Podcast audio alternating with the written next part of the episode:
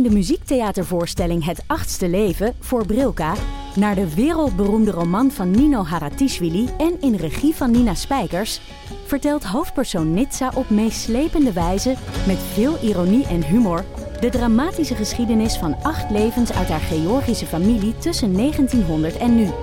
Een hartverscheurend en tegelijk troostrijk drama verteld vanuit het perspectief van vrouwen uit verschillende generaties. Waarbij het publiek meegenomen wordt op een emotionele, visuele en muzikale reis door de 20ste eeuw. Koop je tickets voor het achtste leven via oostpol.nl. Luister jij al naar de podcast Co en Zo? Ik ben Rick Paul van Mulligen. Ik ben Nina de Lacroix. En samen met jouw man René voeden wij twee kinderen op in twee huizen. Co-ouderschap. We hebben het over alles wat je daarin tegenkomt. Maar ook over de juice tijdens onze kinderloze dagen, want die heb je ook in het co-ouderschap. Een podcast voor alle ouders in alle vormen, maar ook voor alle mensen zonder kinderen. Zijn we eerlijk, heerlijk herkenbaar. Dus luister naar Co en Zo in je favoriete podcast-app. Dag lieve honingkinderen, kom onder jullie honingmoeders paraplu. Wij houden jullie veilig van de regen des patriarchaats. Welkom bij Damn Honey.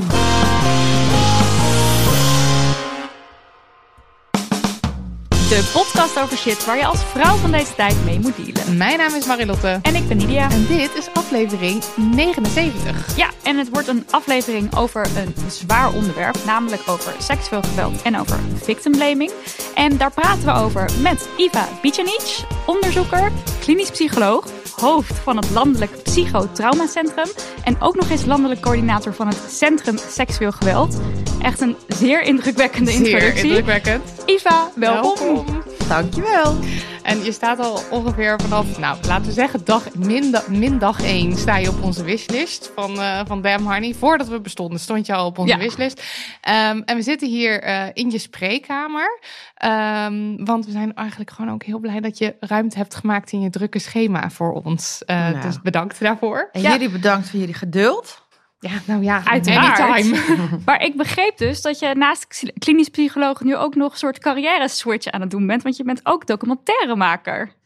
In- Oh, dat is wel een heel groot woord. Ehm, maar ik heb inderdaad het geluk gehad om ehm, een serie te mogen gaan presenteren vanaf 19 december. Het heet De, de Tranen van Tito. De tranen van Tito, ja. Ja. en dat gaat over eh, de zeven landen van voormalig Joegoslavië.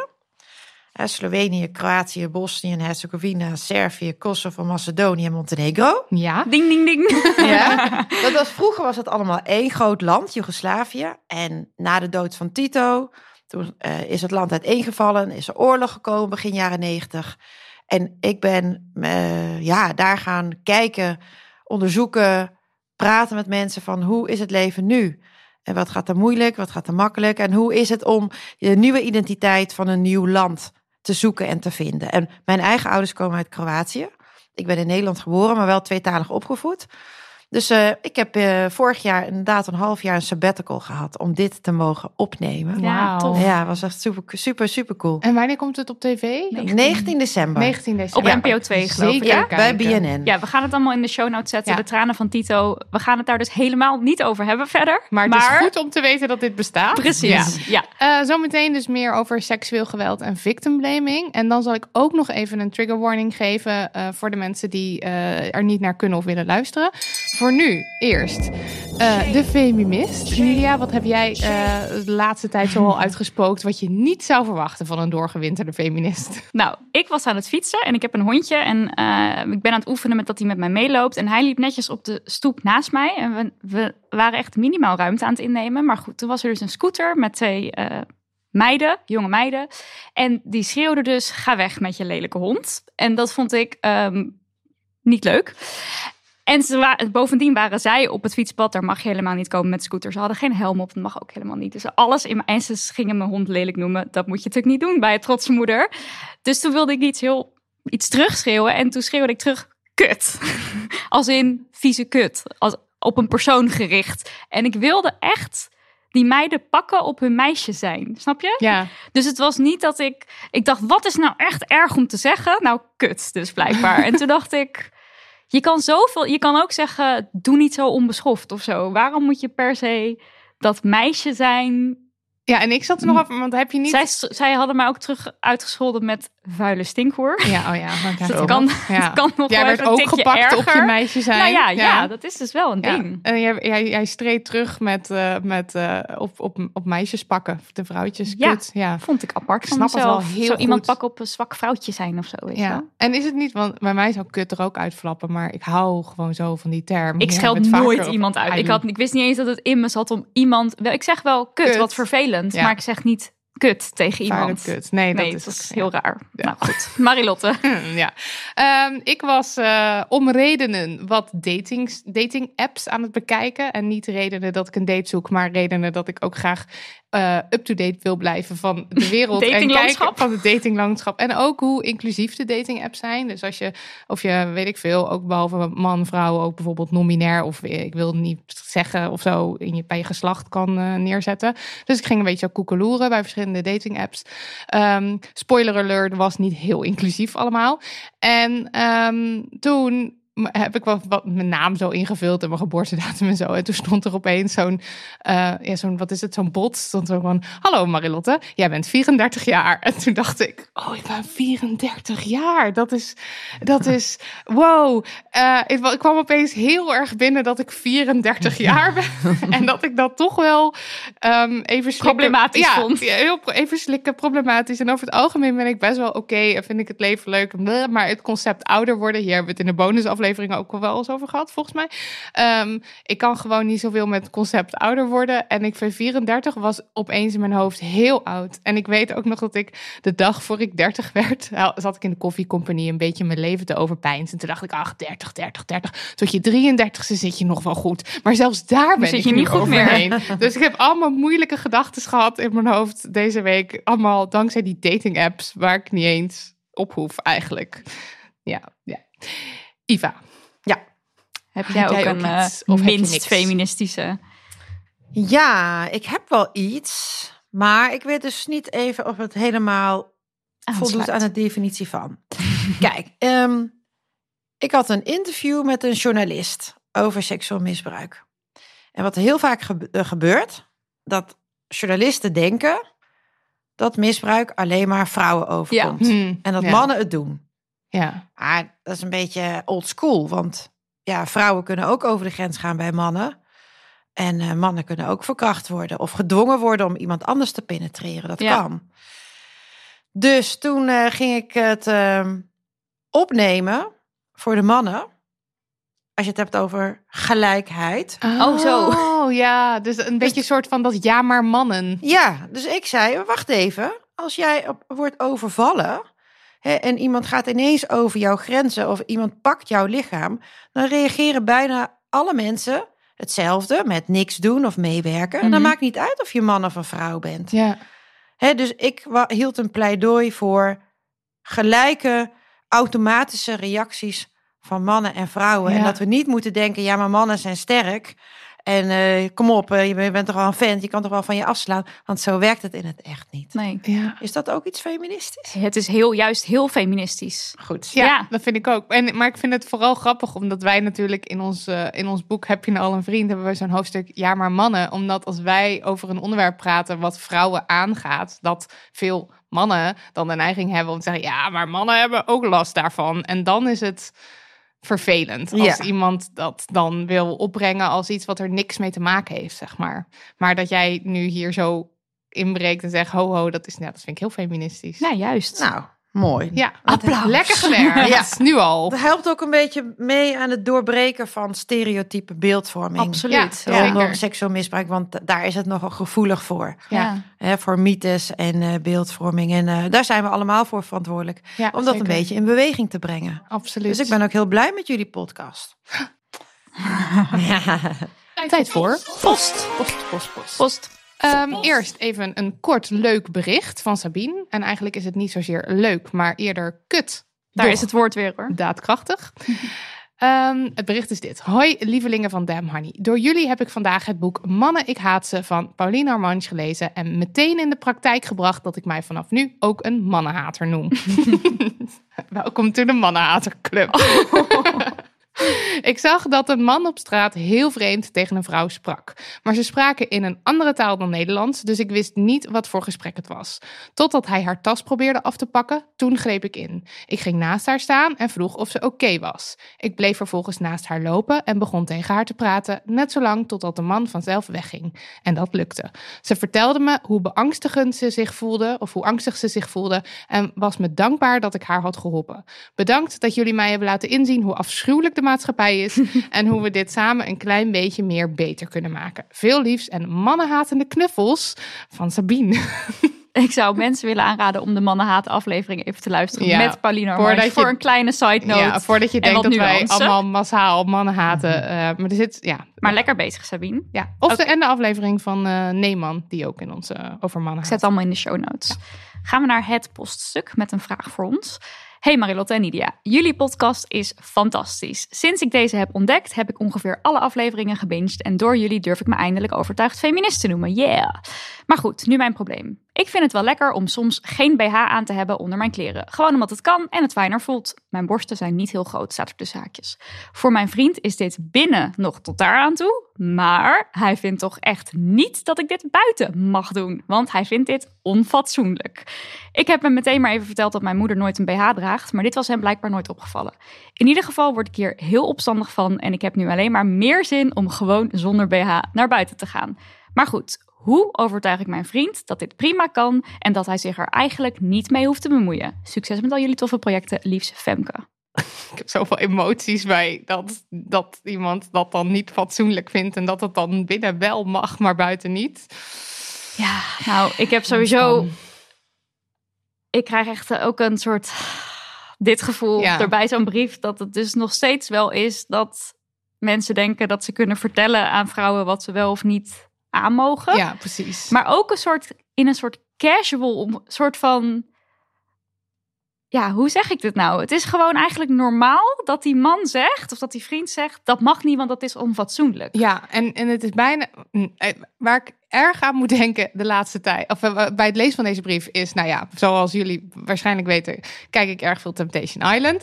en daar heb je dus de, ehm, heel vaak. Dan, eh, dan gaan de, de mannen van, van zeg maar de stelletjes. Die gaan dan reageren op de beelden die ze hebben gezien van hun vriendin. aan de andere kant van het eiland. En dan gaan ze zo van alles zeggen over. Nou, ik vind het echt niet kunnen wat ze doet. of wat ze aan heeft. En zo niet, niet respectvol. En, en, dan, en, en, je, en, en het is gewoon, dan, dan hoor je die mannen dat zeggen. En dan denk ik de hele tijd: wat loop je nou te lullen? Want er is zo'n dubbele standaard. Je gaat hier de hele tijd vertellen wat een vrouw wel en niet mag, aan mag, mag doen. Terwijl jij doet allemaal dingen, gewoon allemaal hetzelfde. Dat is dan allemaal oké. Ja. Maar die, de, de vrouwen moet wel de hele tijd dat verteld worden. Ja. En ik word er gewoon zo moe van. En het zal ongetwijfeld in deze brief en in deze relatie misschien wel we- we- genuanceerder liggen. En ook wel minder dik erbovenop. Maar het is een beetje datzelfde sentiment. Van die dubbele standaard. Dat een man maar gewoon altijd mag vertellen wat een vrouw wel of niet mag. En dat het dan ook hier als, als een soort normaal wordt gezien. Dat, ja, nou, maar ja, het is toch ook je vrienden. En daar kan ik gewoon helemaal niks mee. Nee, je bent al te lang feminist. Ja, en te lang lesbisch om, om hier nog wat mee te kunnen. Ehm, maar ik denk wel dat ik denk wel dat als je gewoon aan gemiddelde Nederlanders vraagt, is een BH dragen fatsoenlijk of on, dat mensen dan wel de kant van de vriend kiezen. Dus dat wij wel. Ja, wij staan heel ver van wat de samenleving denkt, denk ik. Vind jij het onfatsoenlijk om zonder BH naar buiten te gaan? Ja, volgens mij een 30, 40 jaar geleden droegen wel meer vrouwen geen... eh, Ja, dat Toen was het nog ja, best ja, normaal. het normaal. Ja. Maar het is weer teruggedraaid misschien. Dat het weer wat minder geaccepteerd Ja, Een is. soort preutser geworden. Volgens mij, ja, dat komt gewoon met golven. Dus we kunnen misschien wel wat leren uit van de jaren zeventig. Hoe pakten die vrouwen van toen dat aan met hun vrienden toen? Ja, Ja, en, wat, eh, en hadden die vrienden ook van alles te zeggen over het lijf van, eh, van een vrouw. Ik vind het ook grappig hoe ze schrijft. Gewoon omdat het kan, een geen BH dragen en het fijner voelt. En dan tussen haakjes, mijn borsten zijn niet zo groot. Dus ik denk dat ze Dat zelf dus ook wel al... Een, ja, maar ze heeft zelf ook al een idee Ja. van... Oh, dat is fatsoenlijk. En als je grote borsten hebt, dan kan dat dus niet. Terwijl ik draag, ik heb best wel grote borsten en ik draag ook echt al een hele tijd geen BH meer. Gewoon omdat het kan. En, omdat je omdat het ik het lekker vindt. vind zitten. Ja. Maar niet omdat het, ik, ik ben niet eens aan het nadenken over of het fatsoenlijk of Oh, maar ik zit wel te denken, het kan ook dat zij denkt, het doet pijn als je een grote borsten hebt Ja, en geen BH dat- Ja, draagt. dat zou kunnen. Hoeft niet Ja. per se alleen. Maar goed, ze vraagt dus hoe overtuiging hem. Nou, nou, dan krijg ik de neiging om te roepen niet. Want Ja. wat kan het je schelen om hem te overtuigen? Maar ik denk dat het misschien toch slim is om even ietsje meer in haar te verplaatsen. Ja, sorry hoor. Daar, ja, ik- En dan misschien gewoon aan hem vragen van eh, w- wat er aan is, wat precies eraan vind je dan onfatsoen, on- onfatsoenlijk? ja, Gewoon en- wat meer open vragen stellen waar- waarom hij het eigenlijk een probleem vindt en, En waarom, het, misschien uitmaakt belangrijk is, waarom het uitmaakt voor hem, dat, zij er onfatsoenlijk bij loopt in zijn ogen. Want Ja. daar ben ik het natuurlijk helemaal niet mee eens dat het onfatsoenlijk is. Maar ik, ik denk dus dat je dan een, ja, dan krijg je, ja, nou ja, dan krijg je een verhaal over respect, denk ik. Maar je kan in ieder geval vragen waarom vind je het eigenlijk onfatsoenlijk en dan kan hij misschien het ook niet helemaal uitleggen. Nee, en dan kom je misschien. Komt dat, hij ergens? Ja, dat er een soort bewustwording is van hoezo. Nou ja, ik zou echt iedereen willen oproepen. Doe toch alsjeblieft waar je zelf zin in hebt. Ja, zeg. als jij, op. en zeker als jij je helemaal comfortabel voelt bij gewoon dan bij geen BH dragen en dat helemaal fijn vindt, dan, dan moet je je niet eens uit afvragen of mensen dat fatsoenlijk of onfatsoenlijk Nee, vinden. kom op zeg. Ja. Bye. Nou, love you. Dag. Sponsortijd voor, jawel, HelloFresh. De maaltijdboxen van HelloFresh die gewoon bij jou thuis worden geleverd zitten voller dan vol met verse ingrediënten waarmee je de sterren van de hemel kookt. Elke week mag je kiezen uit maar liefst 30 verschillende gerechten. En God zij gedankt en geprezen, zet je ze zo'n beetje allemaal in een poep en een scheet op tafel. Ik had misschien wat andere woorden kunnen kiezen in deze eetcontext, maar je snapt het. Hey, ik begreep dat Winter ML weer in het land is. Ja, ja. De winter ML, dat ben ik. Hallo. Zodra de wintertijd ingaat en dan zit ik met 58 dekens permanent in bed met mijn daglichtlamp aan, verlangend te mijmeren over het voorjaar, de zon, de fluitende vogeltjes en de tijd dat ik weer zonder jas naar buiten kan. En vindt die Winter ML dan echt helemaal niks leuk aan deze donkere dagen? Jawel, de winter ML loves stampot en stoofschotels. Klinkt als een perfecte match met HelloFresh. Oh ja, zeker. En ik stond me toch een lekkere biet bourguignon in elkaar te draaien laatst. Met biet, champignons, wortel, rozemarijn. En simpel, oh my god, die wordt er met terugwerkende kracht weer opgewonden van. Nou, het is ongelooflijk dat HelloFresh jou ook in deze boze en barre omstandigheden nog aan het koken krijgt. Heb jij ook een winter ML-achtige in je huis? Of ben je er zelf een? Dan sleept HelloFresh je graag de regen, kou en donker erdoor met alle handen, stampotten en stoofschotels. Als nieuwe klant krijg je met de code Hello Honey en dat schrijf je aan elkaar in totaal 45 euro korting over je eerste drie maaltijdboxen. Hello, hello, you hear a thing.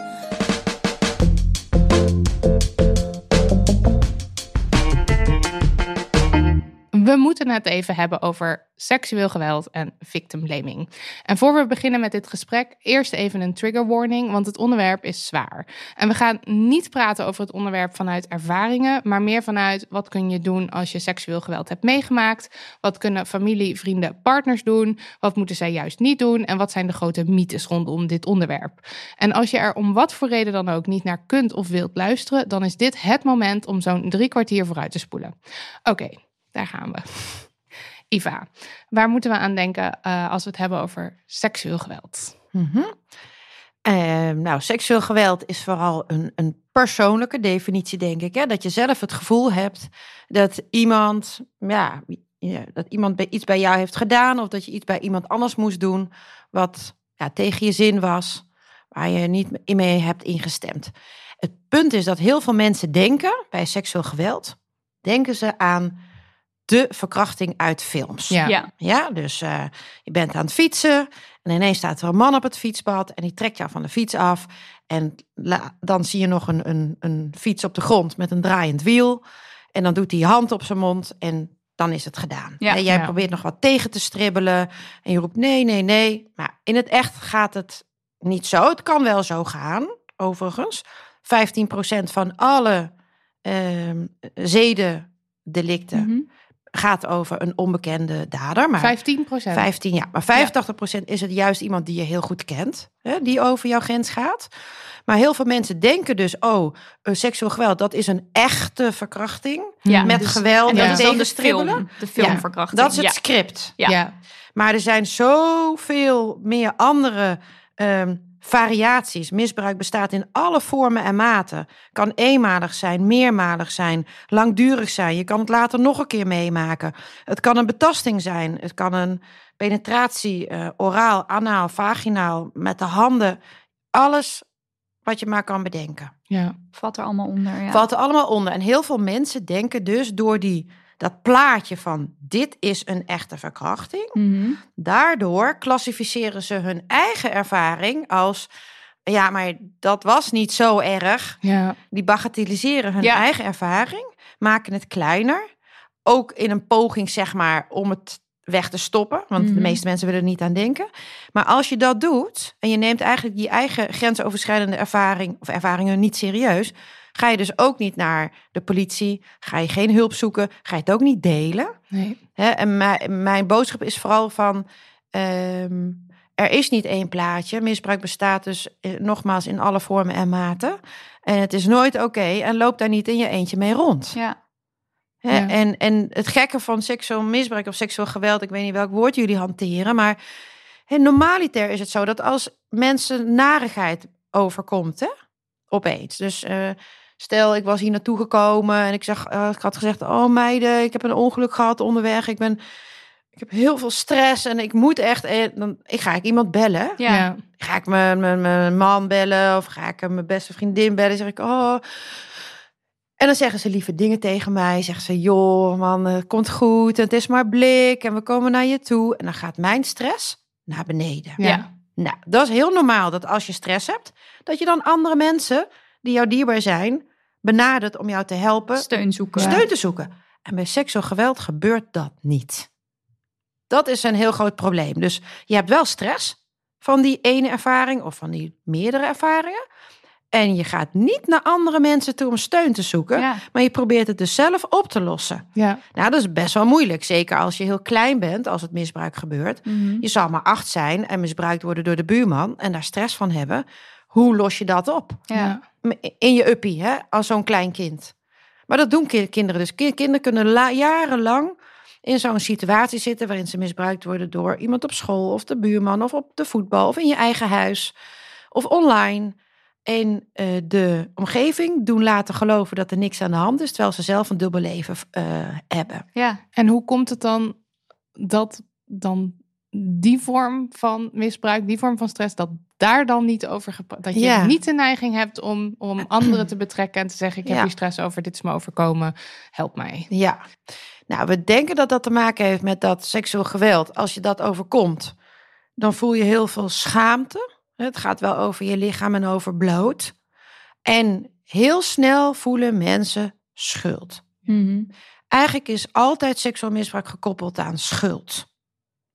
Waarom heb ik dit? Waarom heb ik niet dat? Waarom ben ik meegegaan? Waarom heb ik het niet gezien? En zeker als het bijvoorbeeld een eenmalige situatie betreft, een Tinder date bijvoorbeeld, ik zeg maar iets. Mhm. Ja, achteraf redeneren is makkelijk.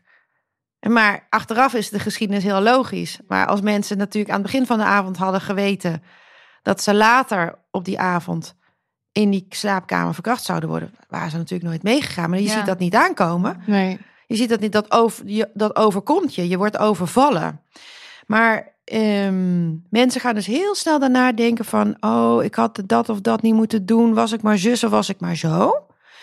Dus het slachtoffer geeft zichzelf de schuld. Ik had dit kunnen voorkomen. De pleger geeft het slachtoffer de schuld. Ja. Mhm. Tuurlijk. Ja. Ja, Waarom zou je zelf de schuld Dat is in de nemen? categorieën vroeger om dan. ja dus, dat, dus eh, eh, je, hebt, je hebt de pleger. Die is natuurlijk eigenlijk heel bang dat de slachtoffer gaat praten. Ja. Ja. En die is ook heel bang dat het slachtoffer geloofd wordt. Dus wat doet hij? Die pleger die gaat jou het gevoel geven dat jij verantwoordelijk bent voor de seks en voor de gevolgen als het uitkomt. Ja. Ja. Nou, dat kan op verschillende manieren. Kan gewoon zeggen van joh, als je dit vertelt, dan eh, ja, ga je eraan. Zo, dat Gewoon gebeurt. echt, ja. Gewoon dreigen. Ja. Hè, als jij naar de politie gaat, dan weet ik je te vinden. Gewoon Mhm. zo. Maar het kan ook subtieler. Hè? Eh, bij kleine kinderen, als jij het vertelt, gaan papa en mama uit elkaar. Als jij het vertelt, moet ik naar de gevangenis. Als jij het vertelt, moet jij naar de gevangenis. Als je het vertelt, pleeg ik zelfmoord. Eh, als jij het vertelt, dan, eh, dan doe ik je hond wat aan. Allemaal dreigementen. Mhm. Of een soort mindfuck. Zeker bij kinderen gebeurt dat. Want hè, de- het is bij meestal kinderen en jongeren die misbruikt worden. Mhm. En dan, die, kan, die kan in de volwassenheid natuurlijk ook misbruikt worden. Tuurlijk. Maar vaker gebeurt het al eerder in je leven. En sommige plegers, omdat ze zo bang zijn dat jij gaat praten, gaan ze zeggen van ja, maar we hebben iets heel speciaals. Oh ja. En eh, ja, wat jij en ik hebben, dat snapt niemand. Je moet het aan niemand vertellen, want dat zullen ze niet begrijpen. Het is ons geheimpje. Of ze zeggen van ja, maar ik ben de enige die van jou houdt. En jij bent de enige die mij begrijpt. Dan gaan ze iemand isoleren. Of, dat is ook heel gemeen, zeggen van ja, maar jij komt naar mij toe. Jij wil het zelf. Jij komt Ja, steeds naar dus mij dan toe. word Ik je eigenlijk een soort van de pleger gemaakt. Ja. Zo. Precies, dan word je medepleger gemaakt. Ja. En, eh, en wat ook sommige mensen ook doen, is tegen het kind of het slachtoffer zeggen van ja, maar, ja, maar jij, jij vindt het zelf ook leuk, want jij wordt Ja. zelf ook nat. En jij krijgt zelf ook een stijve. En dat klopt dat mensen eh, hè, vochtig kunnen worden, lubricatie of een Mhm. erectie kunnen krijgen. Maar dat is puur het gevolg van een activatie van je stresssysteem. Ja. Dat heeft helemaal niks te maken met opwinding of toestemming. Het, heeft, het is alleen maar een bewijs dat het heel erg spannend is voor die persoon. Hè, dus dan gaat er meer bloed naar je armen en naar je benen en ook naar je geslachtsdelen. En dit is het resultaat ervan. Ja. Maar als jij nog maar heel klein bent en in de verwarring, en dan kan die persoon heel makkelijk op jou inspelen. Ja. En wat je ook moet bedenken, zeker als het kinderen betreft, eh, het vertellen, dat kan, heeft zoveel gevolgen. Ik bedoel, je- Mhm. je, hele, je kan je hele gezin, je hele familie verliezen. Als mensen het gaan vertellen, zeker als het dus dichtbij gebeurt, moeten ze soms hun hele familiegeschiedenis herschrijven. Ja. Maar ook voor mensen die 4, 25 zijn en gewoon een, een, een, een, een date hebben. En die begint leuk en die eindigt in een trauma. Mhm. Ook die mensen eh, eh, kampen met hetzelfde. Van ik kan het niet vertellen, want mensen zullen denken van ja, maar je weet toch dat je niet met iemand mee naar huis kan gaan. We doen natuurlijk de hele tijd, nemen wij nemen mensen risico's. Het, het, het gaat er vooral om dat die ander niet bij jou over de grens mag gaan. Ja. Hè? Ja. Het zegt vooral wat over die ander. Maar op de een of andere manier werkt het zo bij misbruik.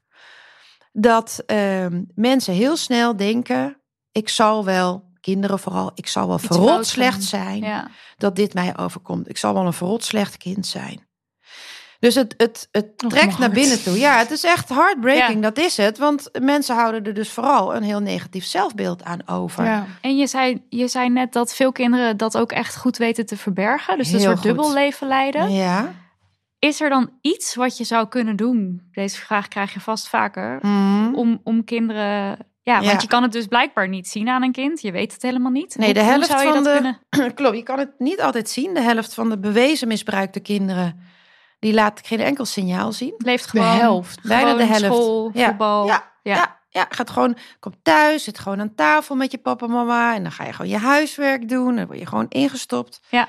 Maar je bent ook die ochtend ervoor door je stiefbroer misbruikt. Ja. Of door je eigen vader. Of door je oma. Of door de oppas. Ja.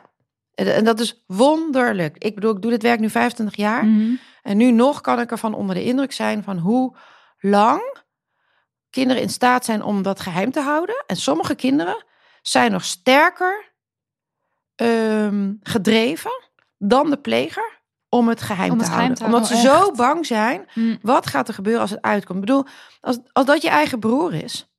Ja, je snapt wel dat als dit uitkomt, Alles valt uit Ja. elkaar. alles. Ja. Ik bedoel, dat, je kan daar niet een mild scenario van maken. Ja. Absoluut, dat is een rampscenario. Ja. En alles wat die kinderen denken wat er gaat gebeuren, gebeurt ook. Ja, Ja. dus het, het, is niet, het is niet dat ze het groter maken dan het Nee, is. klopt. Er gaat ook echt gewoon iets Oh, kuts ja. gebeuren. Oh ja. En ook als jij twintig jaar later besluit op je dertigste om het te gaan onthullen, dan nog brengt het heel veel teweeg. Ja. Hè? Dus ik, ik weet dat er soms wordt gezegd tegen mensen die dat hebben meegemaakt, ja, je moet het vertellen, je, Mhm. moet het, je bent sterk, je moet het zeggen. En dan denk ik altijd, ja, wat ik weet uit de praktijk en ook uit onderzoek, het is goed om het te zeggen als degene aan wie jij het vertelt goed reageert. Ja, oké. ja. Dan is het goed. Ja. Het punt is dat je dat niet van tevoren kunt voorspellen. En driekwart van de mensen die ermee naar buiten komt, wordt geconfronteerd met een negatieve of een beschuldigende opmerking. Dit is Ja. de victim blaming. Dat is victim blaming. Ja. Ja. Hè, dus misbruik, daar zitten altijd drie partijen: slachtoffer, pleger en de rest. Mhm. Het slachtoffer geeft zichzelf de schuld, de pleger geeft het slachtoffer de schuld en de rest En de omgeving ook. Ja. Ja. Ja, dus jullie podcast heeft hopelijk ook als doel om mensen duidelijk te maken dat ze dit doen, ongemerkt en onbedoeld. Ja. En eh, als er iets is wat we zouden moeten veranderen, is stoppen met victim blaming. Want dan zou het makkelijker zijn voor mensen om hiermee naar buiten te komen. Ja. Gesteund te worden. Maakt totaal het verschil in de verwerking. Echt waar. Dan ben ik ook niet meer nodig. Snap je? Heerlijk. Zover zelfs Ja. zou Echt? het gaan. Ja. ja. Als mensen zouden stoppen met victim blaming, kan ik mijn tas inpakken. En voor een heel groot deel van mijn patiënten kan ik gewoon Ja. de tas inpakken. Echt waar. En dat is wel de droom natuurlijk. Nou ja, en dat, tuurlijk, ik bedoel, je zou dit eigenlijk met elkaar moeten kunnen oplossen. Als Ja. jij toch iets heel naars meemaakt, hè? dan word je toch, hoop ik, opgevangen door jou Ja, vrienden en je familie, toch? Ja. En dan zeggen ze, oh, kom op, kom hier, weet je wel. En zo moet het eigenlijk ook gaan bij misbruik. Je Ja. zegt, joh, wat nadat dit jou is overkomen? Wat kan ik voor je doen? Wat wil je aan me kwijt? Heel bizar eigenlijk als je Ja. erover nadenkt dat je bij zo, zoiets ingrijpend en vervelends, wat je, een, een traumatiserend wat je kan overkomen, dat dan bij, de- bij dit dus de reactie van iedereen is, het is, je, is jouw eigen schuld. Ja, maar niet in die woorden. Niet in die Precies. woorden. Nee, nee, nee. Nee, ja. maar mensen denken misschien. Ik kan me voorstellen dat mensen luisteren die zeggen, nou, dat zou ik dus nooit zeggen.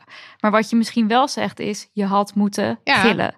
Je had moeten, ja. Nee, maar maar eventjes om, doen? om het duidelijk te maken. doen? Ja, Kijk, ik, doe, e- ik speel eventjes dat ik... ehm, ik ben een, eventjes de omgeving. oké, ja. Ja. En iemand vertelt dat aan mij. Wat gebeurt er? Ik denk, wat? Mis, mi- seksueel geweld? Ik wil eigenlijk helemaal niet dat dat dichtbij komt. Ik krijg het een beetje warm.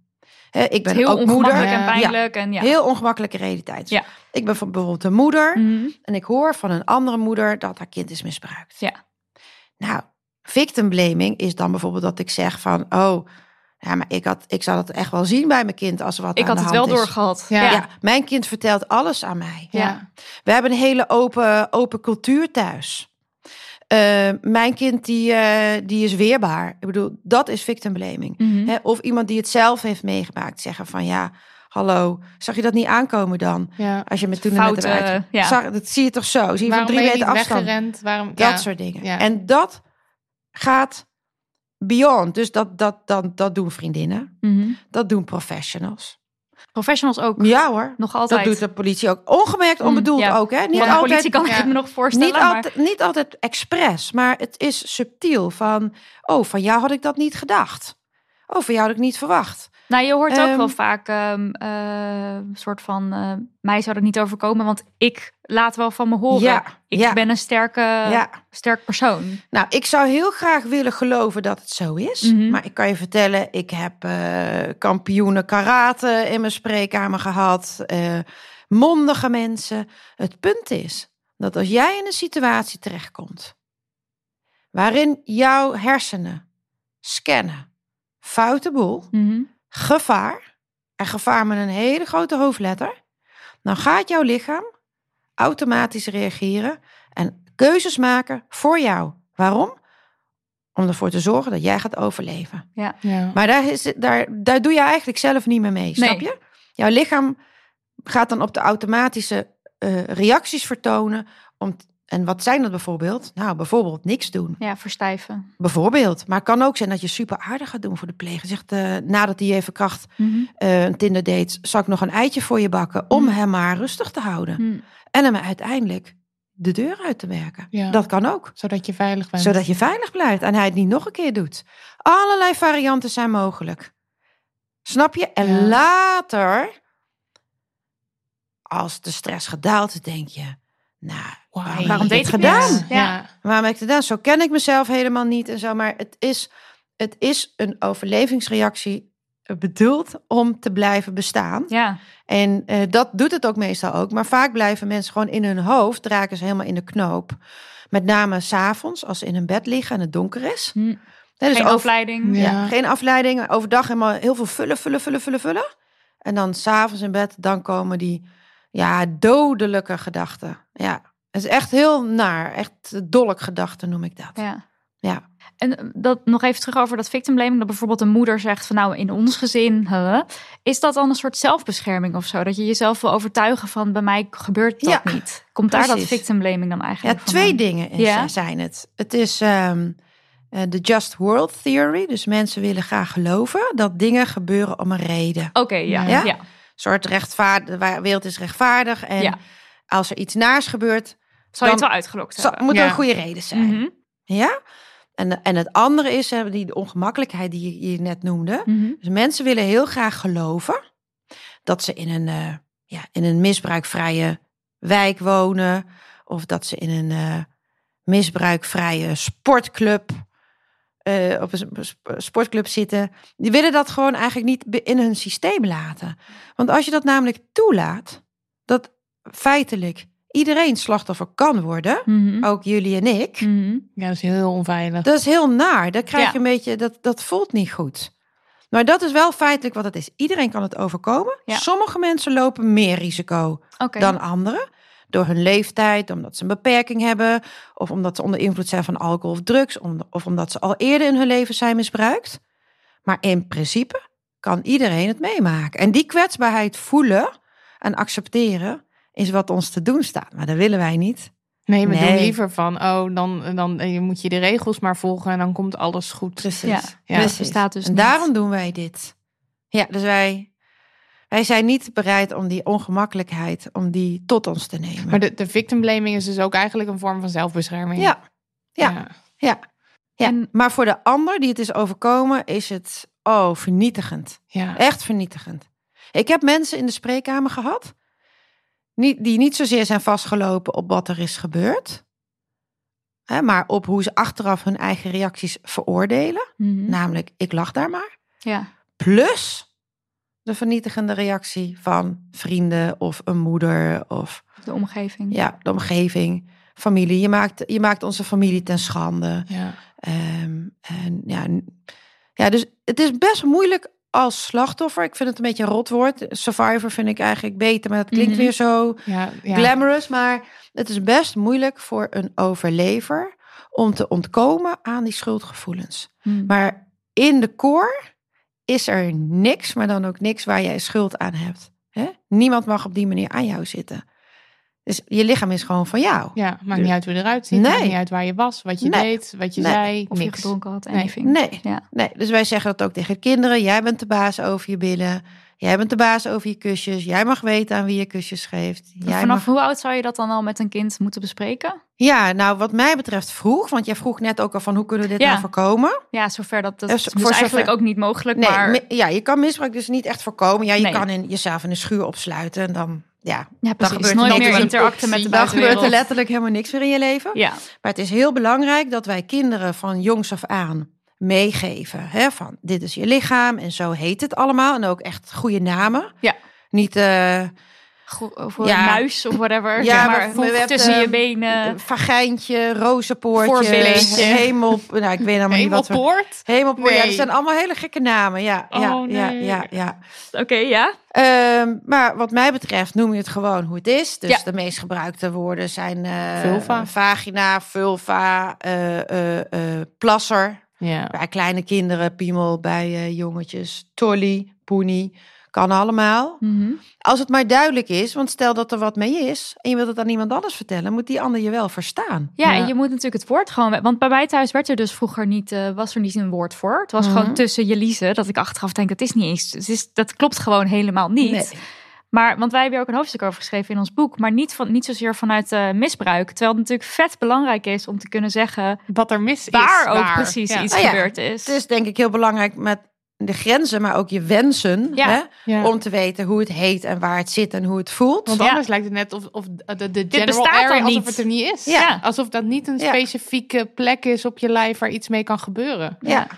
Oké, dus al jongs van. Ja, van jongs af aan daarin investeren. Mhm. eh, van hoe het heet, maar ook dat is allemaal voor jou. En andere mensen mogen daar niet zomaar aankomen.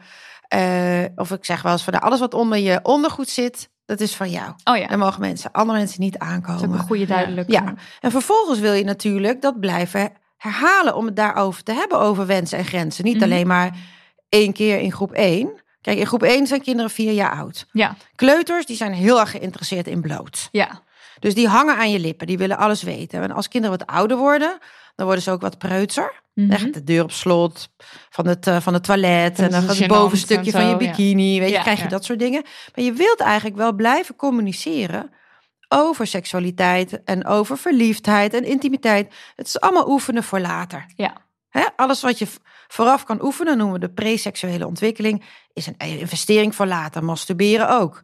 Hoe fijn is het als je zelf weet wat je fijn vindt, dan Ja. kan je het later ook met, met iemand anders daarover communiceren. Maar we hebben het dus echt al over, k- voor ouders die luisteren, we hebben het echt al over de kleuterschoolleeftijd. Ja. Ja, Ja. oké. Gewoon ik- eigenlijk meteen al zo, bijna zo vroeg mogelijk, meteen al over deze onderwerpen ja, praten. Ja. Ja, en wat heel veel mensen doen, ouders, Mhm. die gaan dan heel vaak tegen hun kinderen zeggen, hebben jullie ouders waarschijnlijk ook gedaan, niet met een vreemde man mee. Ja, ja, ja, ja, Ja? Ja. absoluut. Kinderlokkers. Ja, ja. Maar het punt is, kinderlokkers bestaan wel, zeker wel, ze bestaan. Maar de meerderheid van de kinderen, als ze misbruikt worden, wordt misbruikt dus juist door iemand die je heel Bekend. goed kent. Ja. Ja.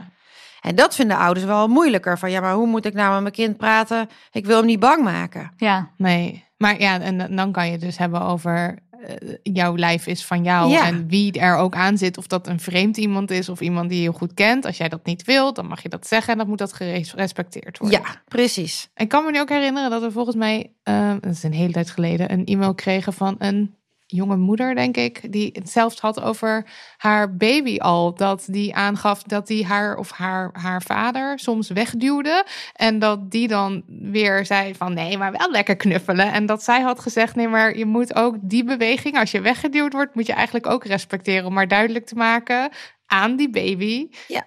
dat Ja, dat dat, dat voldoende is. Dat als, als er nee gezegd of gedaan wordt, dat dat al voldoende is. is dat, nou ja, ik vind het wel een mooi voorbeeld als uitgangspunt van hè, dat grenzen gerespecteerd worden en dat een ouder ook oog heeft en gevoelig is voor de behoeftes van een kind Ja. en dat je daar ook op reageert. Maar ik wil dus ook nog toevoegen dat ik echt mensen heb gesproken die echt fantastisch hun grenzen kunnen aangeven.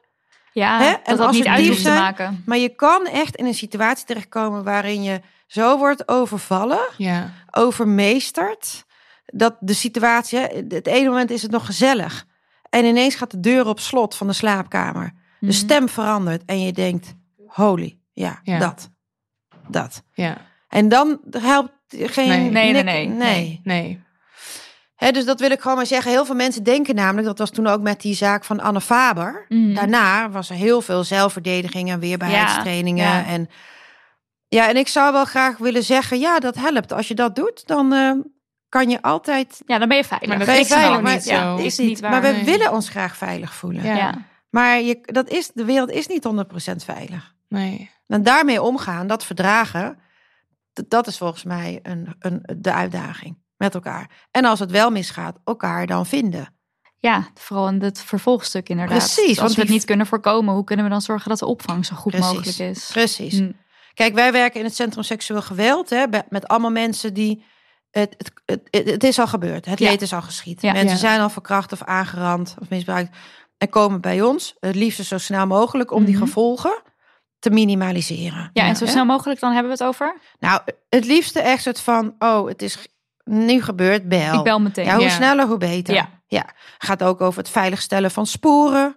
En eh, hè, medicijnen die je kan krijgen tegen zwangerschap en SOA en HIV en zo. Mhm. Maar ook als het twintig jaar geleden is gebeurd, kan je nog steeds mag je ook bellen. Altijd. Ja, het is Want nooit op te de laat. website staat wel iets van zeven dagen of zo. Ja, Of wij, was- wij hameren heel erg op die zeven dagen. Ja, Omdat je dan, daar, kan je, daar zit de meeste potentie als het net is gebeurd. Voor, oh, Ja. Dus voor die medicijnen. ook voor de verwerking en, ook voor de psychologische verwerking. Oh, Oké, oké, ja, ja, ja. Snap je?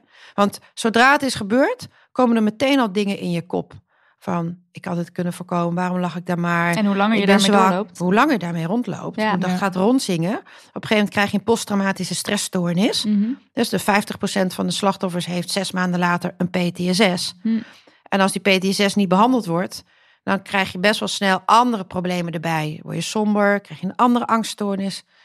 ja. Dus hulp zoeken is echt belangrijk. Maar mensen moeten zichzelf serieus nemen. Maar als wij dat ook niet doen als samenleving, Mhm. door dit soort domme dingen te zeggen, ja, dan is het voor hen ook heel moeilijk om over die drempel heen te stappen. Ja.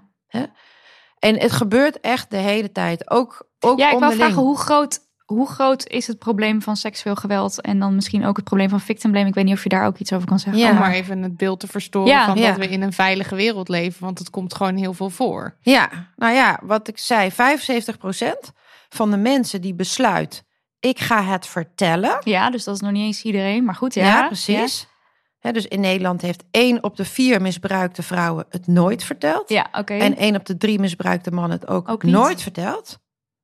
En ik bedoel, prima, is je goed recht. Ik hoop altijd als mensen vastlopen in hun leven dat ze dan wel Ja. gaan vertellen. Mhm. Van de mensen die dus onthullen, krijgt 75% een, een zo'n rotopmerking. Zo'n victim blaming Ja, opmerking. ja. Ja. Ja, en ik bedoel, het hoeft niet dat je meteen in de goot eindigt. Sommige mensen worden ook gewoon worden er ook boos van. Mhm.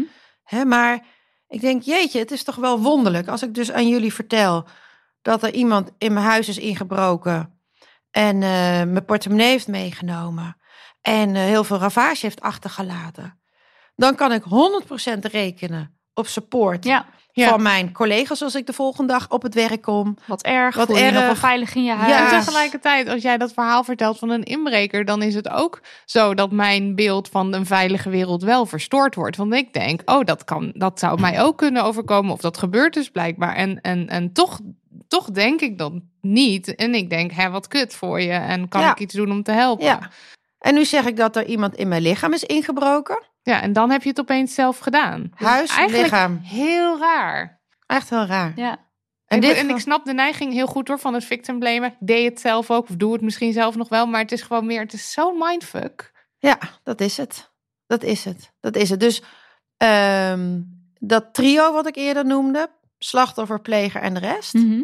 die dus allemaal de pijlen op het slachtoffer aan het richten zijn, die dolken. En die dolken zijn vol- volgens verantwoordelijk voor depressies, jezelf snijden, rommelen met eten, somberheid.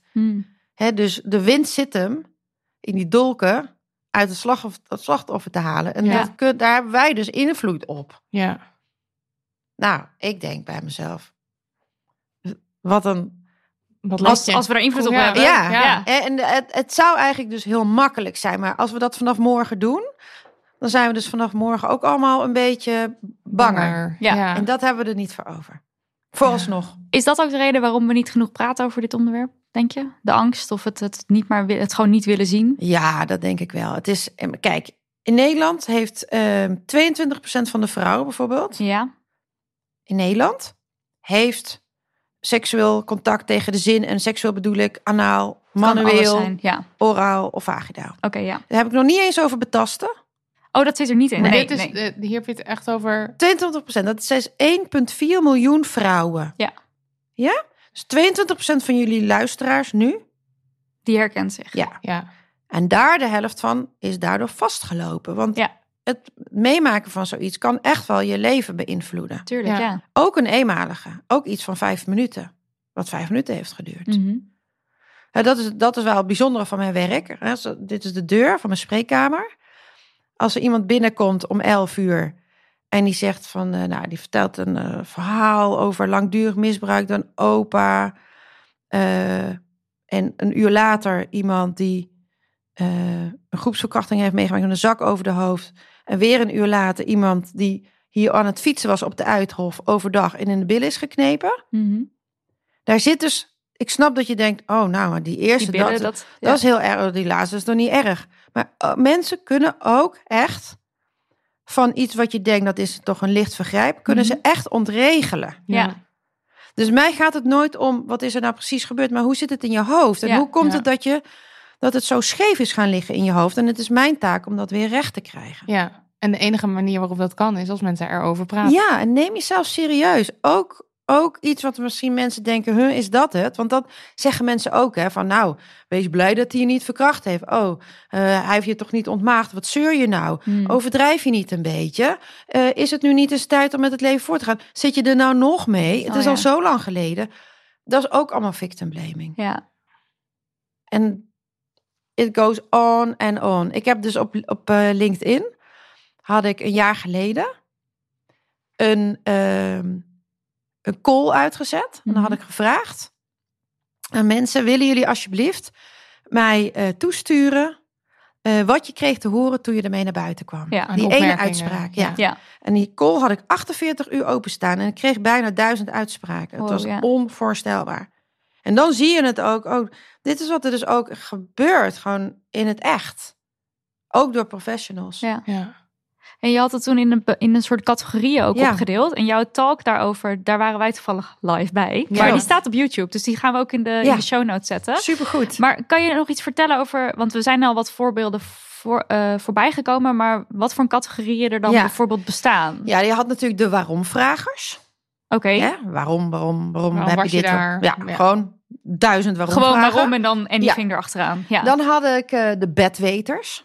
Ja, nee, maar dat was mij nooit overkomen. Dat zie je toch? Oh dat, eh, ja, dat zijn de bedweters. Dan had je natuurlijk de ongelovigen. Van, eh, nou, is het wel zo erg wat er is gebeurd? Oh, dit dat hoor je ook wel. nou al. Ja, Maar dit hoor je ook wel in het algemeen over seksueel geweld. Of nou ja, rondom eh hashtag MeToo natuurlijk. Is Ja. het heel vaak zo van, nou zoveel, zoveel Ja. gebeurt het niet, Ja. toch? ja, ja dat mensen hebben dus gewoon moeite ook met het accepteren van de cijfers. Dus Ja, ik zei net 1,4 miljoen vrouwen. Dat is gewoon niet gelogen. En in andere landen is het net zo. ja.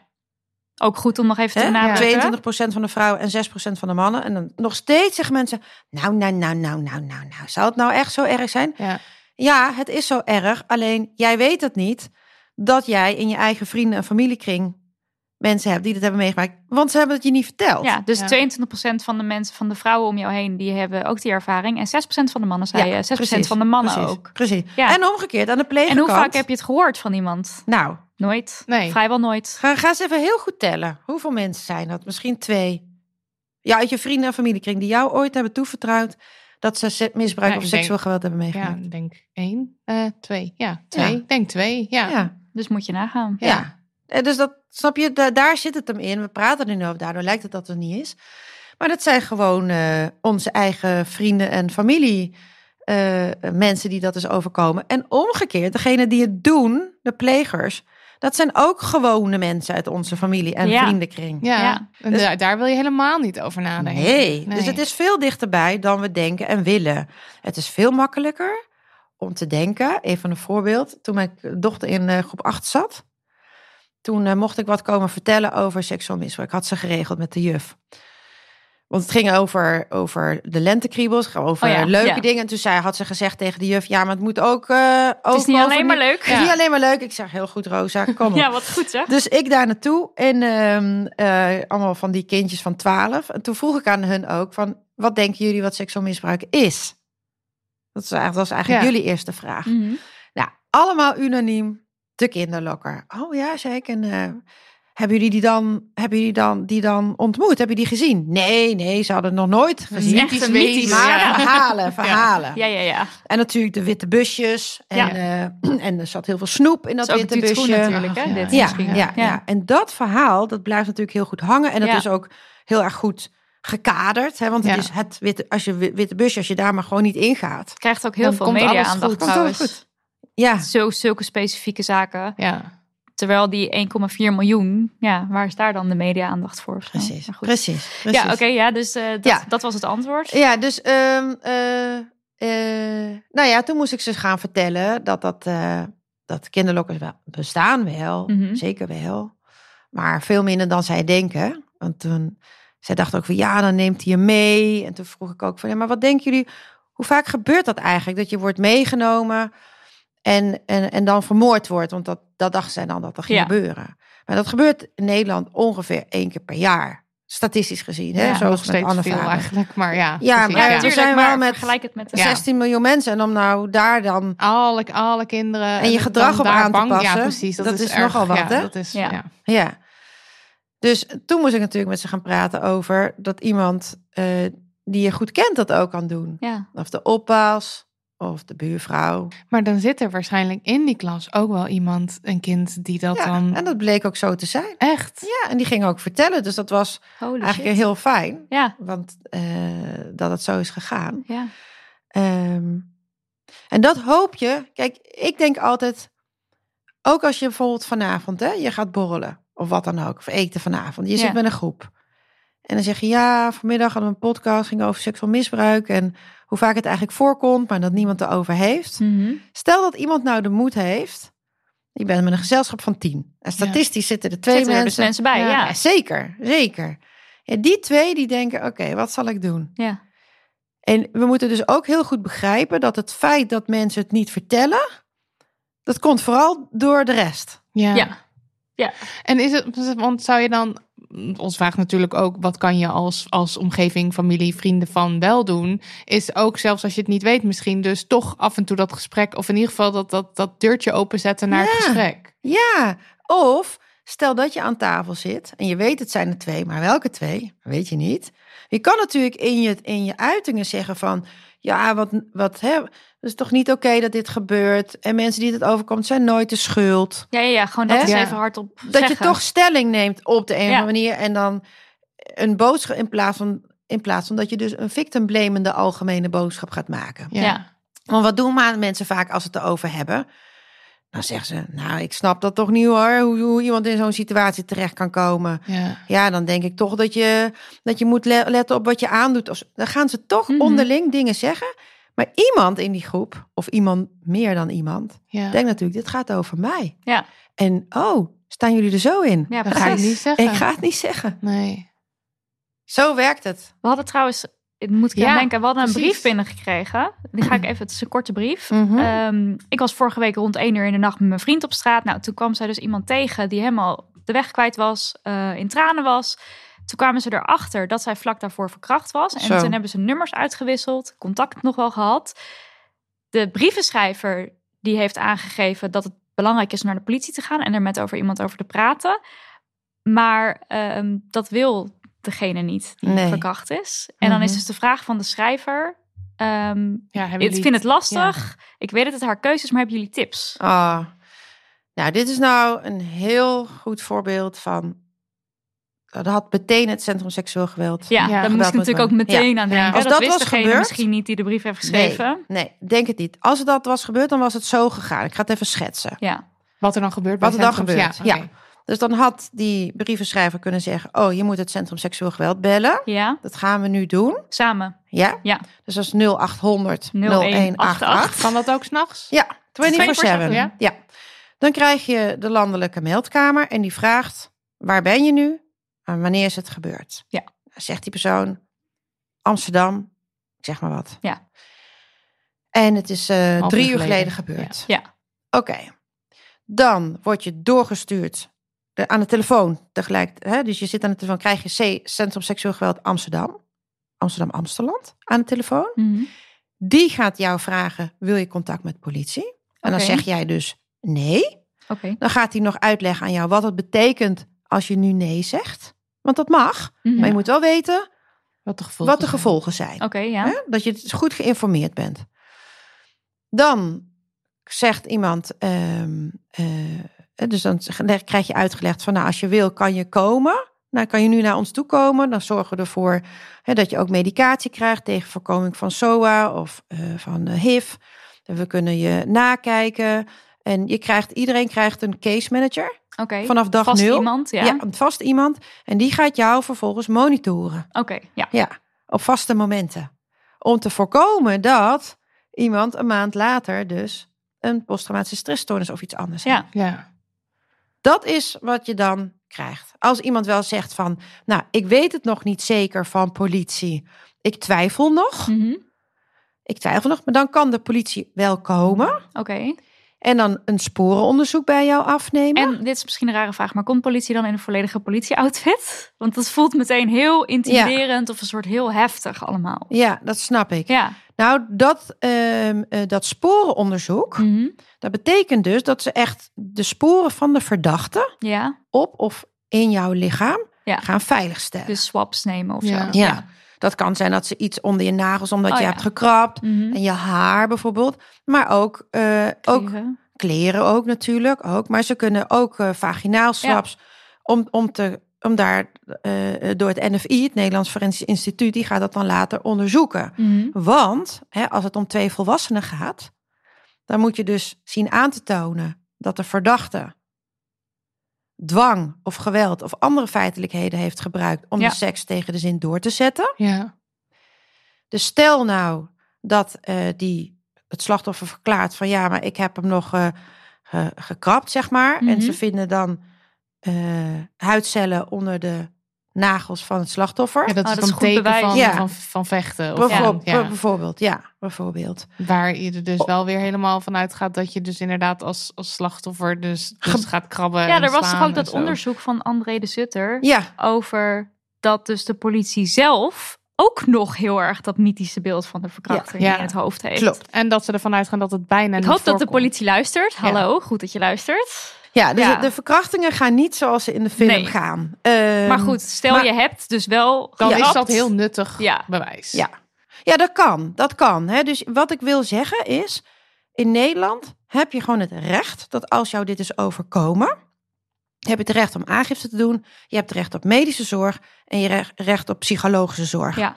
En in plaats van dat dat zoals vroeger, tien jaar geleden, allemaal afzonderlijke posten waren, Mhm. is dat nu allemaal samen in het Centrum Seksueel Geweld belegd. Ja. Ja. En dat zit door heel Nederland. Er zijn allerlei Ja. verschillende Je locaties. kan altijd bij een Ja. centrum terecht. Ja.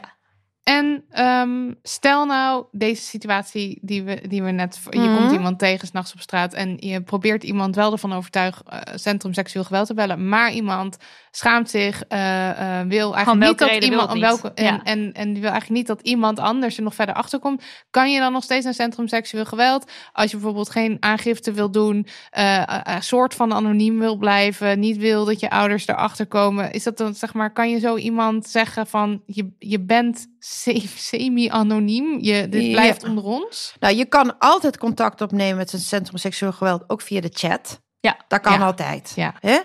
Maar er zijn mensen die denken, nou, bijvoorbeeld met eerwraak. Die denken, ja, ik kan mezelf echt niet identificeren, want eh, mijn leven is niet veilig. Ja. Mhm. Hè? Ja, dan zullen we altijd wel een, we zoeken naar een manier. Maar je moet je wel bedenken dat de meeste van die centra zitten in een ziekenhuis op de spoedeisende hulp. Zodat we die 24-7 zorg ook kunnen leveren. Ja. Ja, en als je in een ziekenhuis komt en die zorg wordt ook vergoed natuurlijk. Dan moet je wel werken met een naam in principe. Oh ja. Ja, ja. Maar als iemand zegt, ik wil niet naar de politie. Ik wil ook helemaal niet dat er iemand aan mijn lichaam zit. Ook geen arts of niks. Maar ik vind het wel heel fijn als jullie mij gaan monitoren. Ja. Of als ik informatie krijg over wat mij helpt om dit goed te verwerken. Dat kan allemaal. Kunnen we bellen? Kunnen we mailen? Ja, kan. Ja, Hè, en als je het echt anoniem wil, dan, dan zou de chat het beste zijn. Ja. ja, Ja. Dus we vinden wel een weg. ja. Dus En- je kan het zo anoniem houden als je zelf Ja. wil. Want het lijkt me belangrijker dat iemand überhaupt contact zoekt. Zeker. Zodat je als medewerker van Centrum Seksueel Geweld ook gewoon rustig de tijd hebt om uit te leggen wat er allemaal gaat gebeuren. Wat zeg maar de. Ja, Want het is heel veel, hè? Het is heel veel wat er gebeurt. Als je echt het Centrum Seksueel Geweld binnenkomt en je krijgt het hele pakket, ja, ook het spooronderzoek om jouw vraag te beantwoorden, dan komen er forensisch, een forensisch arts. Oké. Die heeft een wit pak aan Oké, en een ja. forensisch rechercheur. Mhm. Die hebben een pak aan om eh, contaminatie Logisch. Ja. te voorkomen. Hè? Dus eerlijk is eerlijk, het is, niet veel. niks. Nee. En daarom vinden we het ook zo belangrijk. Je kan op de site heb je allemaal filmpjes van wat gaat er gebeuren als je bij ons binnenkomt. Ja. Maar het hoeft niet het hele pakket te zijn. En er is dus vanaf dag nul iemand die er voor jou is, die jou Ja. ook verwelkomt en die bij jou blijft zolang als dat hele gebeuren duurt. ja. En het is goed om te weten, ja. je hebt dus zelf eigenlijk alles in handen. Je maakt elke keer zelf de keuze. Dit wil ik wel, dit Ja, wil ik ja, niet. Dat klopt. Het is denk ik wel gewoon dat, dat idee van dan moet je naar de politie. Dat ja, Centrum Seksueel Geweld nog, nog veel meer aandacht mag krijgen. Zodat mensen weten, oké, de politie kan er onderdeel van zijn. Maar je gaat naar Centrum Seksueel Geweld en vanaf daar. Want de politie voelt voor mij ook als een Ja. onveilige plek. Met allemaal mannen die gaan zeggen, nou eh, weet je wel. Want dat Maar- soort verhalen maar ook- hoor- ja, je hoort het wel. Nou, van- Dat hoeft natuurlijk niet het eh, goede beeld te zijn. Nee. Maar dat is wel het beeld. Nou ja, ja, waardoor mensen misschien een drempel voelen heel erg. Maar Ja. sowieso denk ik officiële instanties. Want ik heb een tijdje bij de kindertelefoon gewerkt. En dan zeg maar, als er echt heftige verhalen waren... en je had op, op een gegeven moment zoiets van... Ja, je, je, ik moet je eigenlijk nu doorverwijzen Mhm. naar een hulpverlener... want ik ben over. Dan was die drempel voor kinderen groot, hè? zo groot. Ja. En, dan, en ik kon ze gewoon niet beloven dat ze Nee. anoniem zouden blijven. Nee. En dan zijn ze weg. ja. Nee, dat snap ik heel goed. En sommige mensen blijven jarenlang in zo'n ja, eh, anonieme Ja, verbinding en moeten ouder worden, groter worden. om beseffen, om die ja. stap echt te gaan maken. En Ja. ook soms is het ook dat je met het ouder worden pas beseft wat het je Wat eigenlijk hebt meegemaakt. Ja. Hè, en en ehm, ik heb zelf mijn promotieonderzoek gedaan bij, bij 400 pubermeisjes die een verkrachting hadden meegemaakt.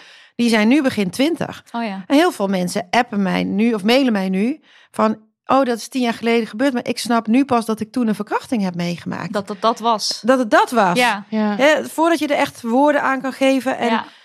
meer hebt meegemaakt en meer hebt gelezen. En dan, dan krijgt het een, een soort, ehm, ja, hoe zou ik maar zeggen, een nieuwe betekenis Ja. met het ouder worden. En ook dan kan je Centrum Seksueel Geweld bellen, Altijd, toch? altijd. En Ja. even voor de duidelijkheid, de politie is voor het Centrum Seksueel Geweld heel erg belangrijk. Wij Mhm. werken dus nauw samen.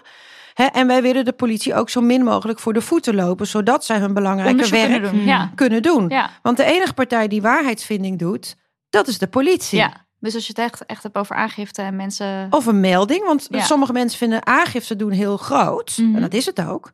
Want als je eenmaal aangifte doet, kan je niet meer terug. Nee. Mhm. Maar je kan ook nog een stapje ervoor doen. Oké. Dat heet een melding. Dan heb je dus wel contact met de politie. Maar je gaat niet het aangiftetraject in. Maar stel nou dat de politie van meerdere kanten meerdere meldingen krijgt over een persoon. Mhm. Ja, dan kunnen zij zelf ook actie ondernemen.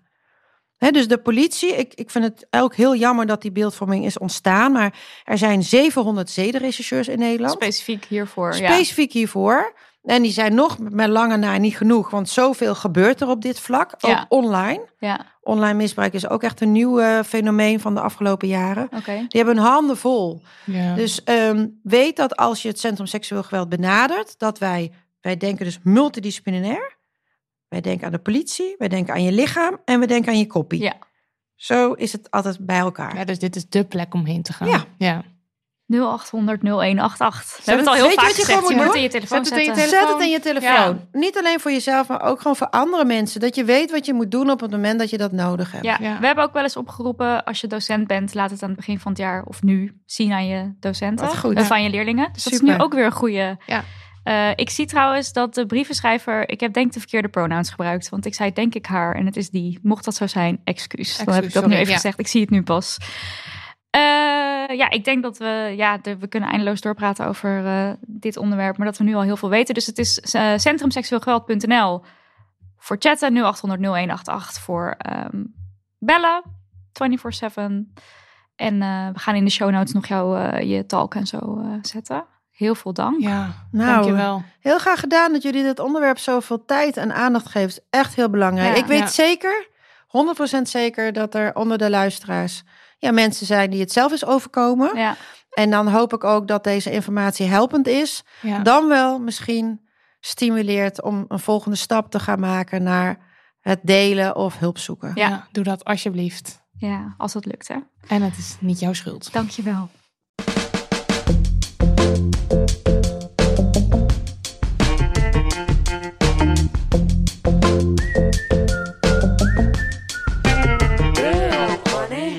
Gaan we door naar onze afsluitende rubriek, de Damn Money Yes en No.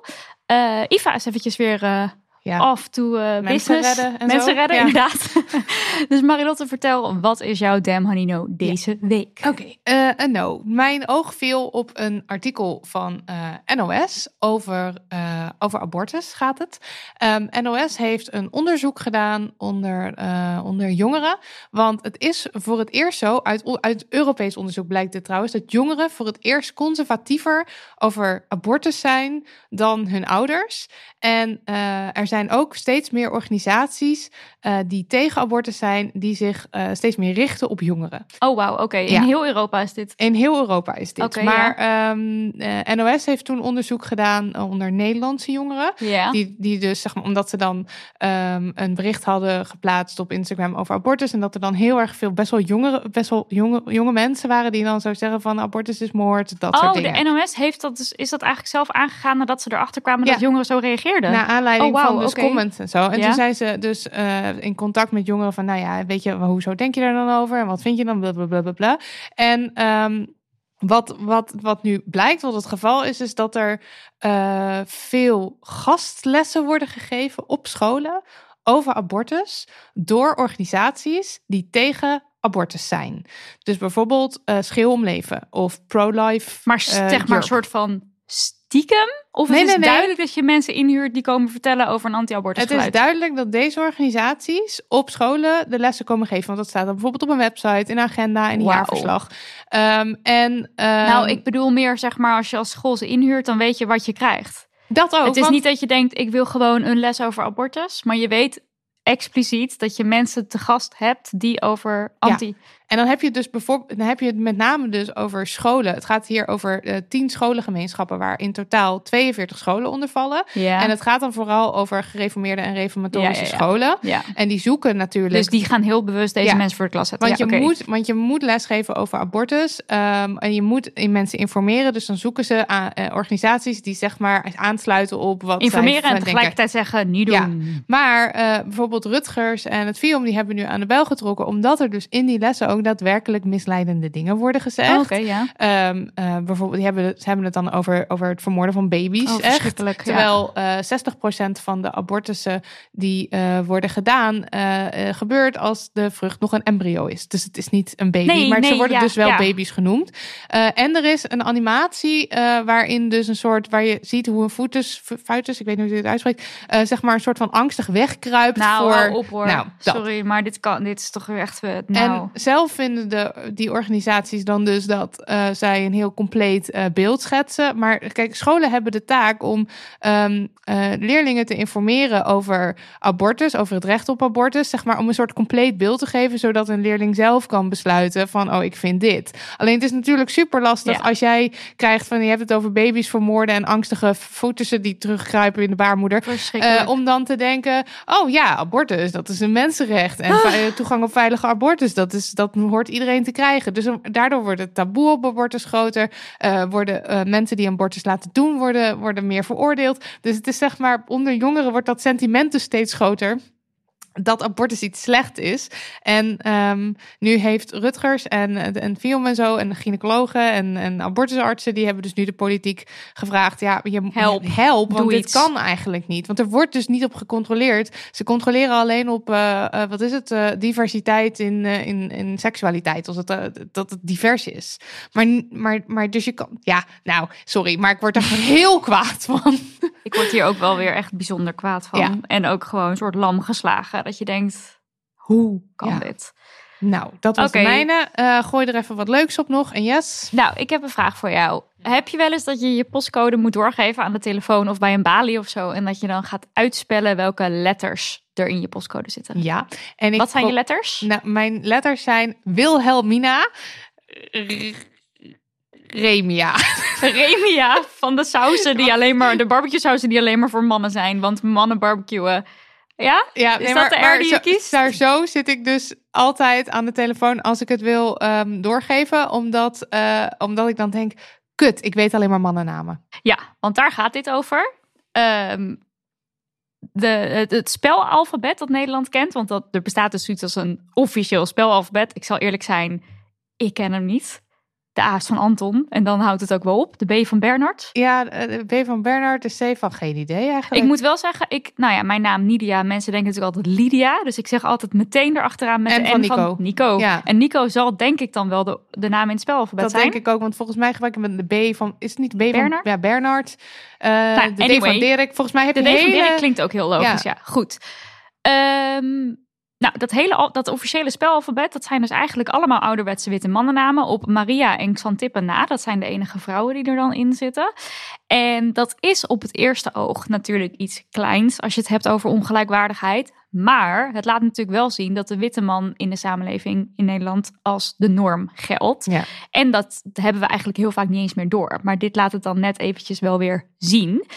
De feministische doetank De Bovengrondse, die zegt daar het volgende over. Hiermee bevestigen we keer op keer de witte mannennorm en reproduceren we onbewust een beeld van de samenleving dat niet bestaat en nooit bestaan heeft. Dit is beeldvormend en bepalend. En ze zeggen ook dat je dus wetenschappelijk onderzoek dat, eh, eh, dat dat bewijst dat woorden en woordcombinaties die we horen, dat die bepalen hoe we de wereld waarnemen en indelen. Mee bepalen. Hmm. Natuurlijk niet alleen, maar dat het wel uitmaakt. Ja. En ehm, dat onze woordkeuze een psychologisch effect heeft en gevolgen dus ook daadwerkelijk heeft. Dus je kan wel zeggen, ja, het zijn maar, het zijn maar namen, het zijn maar woorden, maar het zijn daadwerkelijk effecten die daaraan vastzitten. En blijkbaar zijn we bijvoorbeeld eh, gewend om in de taal mannen voor vrouwen te plaatsen. I don't know, Oh, dit is een soort feitje wat er is. En de bovengrondse zou de bovengrondse natuurlijk niet zijn als ze niet eh, ook zouden komen met een oplossing voor dan specifiek het En spelalfabet. dat die oplossing is... Ze hebben samen met een professor in de naamkunde. Vanuit de wetenschap is dit ook bedacht. Een nieuwe naamlijst ontwikkeld die de huidige Nederlandse samenleving wel representeert. En daarmee hopen ze het gesprek eh, te, te openen over de eh, witte mannelijke norm. Die we nog altijd eh, hebben. Oh, maar het is dus een soort... het zijn niet alleen vrouwennamen, maar het is... ehm, het is een afspiegeling van de. Nederlandse samenleving. Ja. Ja.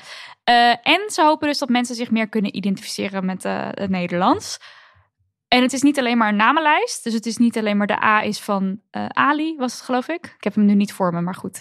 Ehm, maar ook mooie foto's erbij. Dus ze hebben 26 prachtportretten vet. geschoten van mensen die daadwerkelijk die naam hebben. En die namen hebben ze niet zo huh, random gekozen. Er zit ook helemaal een idee achter met geloof ik, eh, weet ik veel, de top 10 van de namen met een A. En dan mag het niet meer dan drie lettergrepen he- hebben, want anders dan... Ja, on, on- onthouden mensen Nee, ook onthoud niet. niet En je wilt en het kunnen gebruiken. Ja. En dus eh, ze hadden wel bepaalde ehm, kaders waarbinnen ze namen konden kiezen, zeg maar. En Ja. daar is dit uitgekomen. Wat heerlijk. En al die mensen die zijn dan ook nog eens eh, geïnterviewd door Jill Maton. En die heeft dan allemaal mooie stukken over die naam, over de naam van de mensen oh, I geschreven. love it. En had ik even de I van Iva is dan de I van Iris. Eh, de M van Marilotte is de M van eh, Mila. Mila. En de N is de N van Naomi, natuurlijk. Niet van Nico, Oh. van Naomi. En je kan dit allemaal opzoeken. De interviews, de foto's, alles. Ook geloof ik een poster die je kan printen voor je klas. Of wherever je spelalfabetten wil hangen. Misschien als je bij een callcenter werkt. Eh, op hetnieuwespelafabet.nl. Super tof. Meteen heen. I know. Ja, Let's go. heerlijk. Dit was aflevering 79. Dankjewel Iva. Wat fijn dat je er was, dat je tijd voor ons vrij hebt gemaakt. En eh, mensen, zet toch alsjeblieft het nummer van Centrum Seksueel Geweld in je telefoon. 0800 0188. Dankjewel. En woorden dat je nu echt, echt weg moet, crisissituatie. Dus Ja. ga alsjeblieft, dan doen wij nog Ah, even ja. de laatste, laatste oké, ik ga. dingen. Jullie heel, heel, veel dank. Ja, ja, ja. Jullie ook. En tot de volgende keer. Dag, Ja. dag. Doei! Bedankt ook, lieve luisteraars. We love you. Daniel van de Poppen, bedankt dat je naar ons naar de spreekkamer van Iva wilde rijden. En dat je hier de boel hebt opgebouwd. En ook bedankt dat je vandaag nog vliegensvlug de edit gaat doen. Zodat we netjes op zaterdag verschijnen. En dat allemaal voor zero euro's. Zero. Dank, dank, dank. Hij staat hier in de hoek. Eh, zero. Ik beeld het ook nog even uit met de Je krijgt van... geen geld hiervoor. van... de Z van zero. Geen idee. Zenep, de Z van Zenep. Zeynep? Ja. Zeynep, oké. Eh, dank, dank, dank. Eh, Lucas de Gier, Liesbeth Smit, jullie ook bedankt voor de jingles en het maken en onderhouden van onze website. Nou, als je nou denkt, ik vind die hele Damn Honey podcast razend interessant of bloedirritant of heel geestig of ik heb er veel van geleerd, ik heb er wat aan gehad.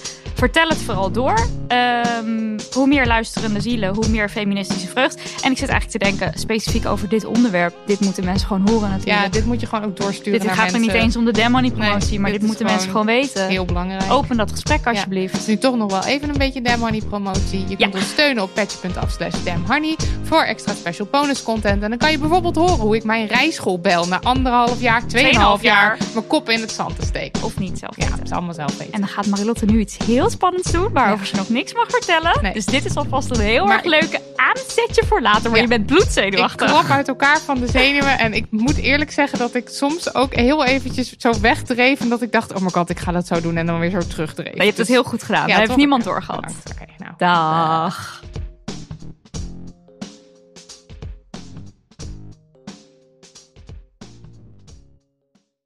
Nog even over die grootse en epische muziektheatervoorstelling. Het achtste leven voor Brilka is een marathonvoorstelling van 5 uur. Koop je tickets voor deze bijzondere theateravond via oostpol.nl.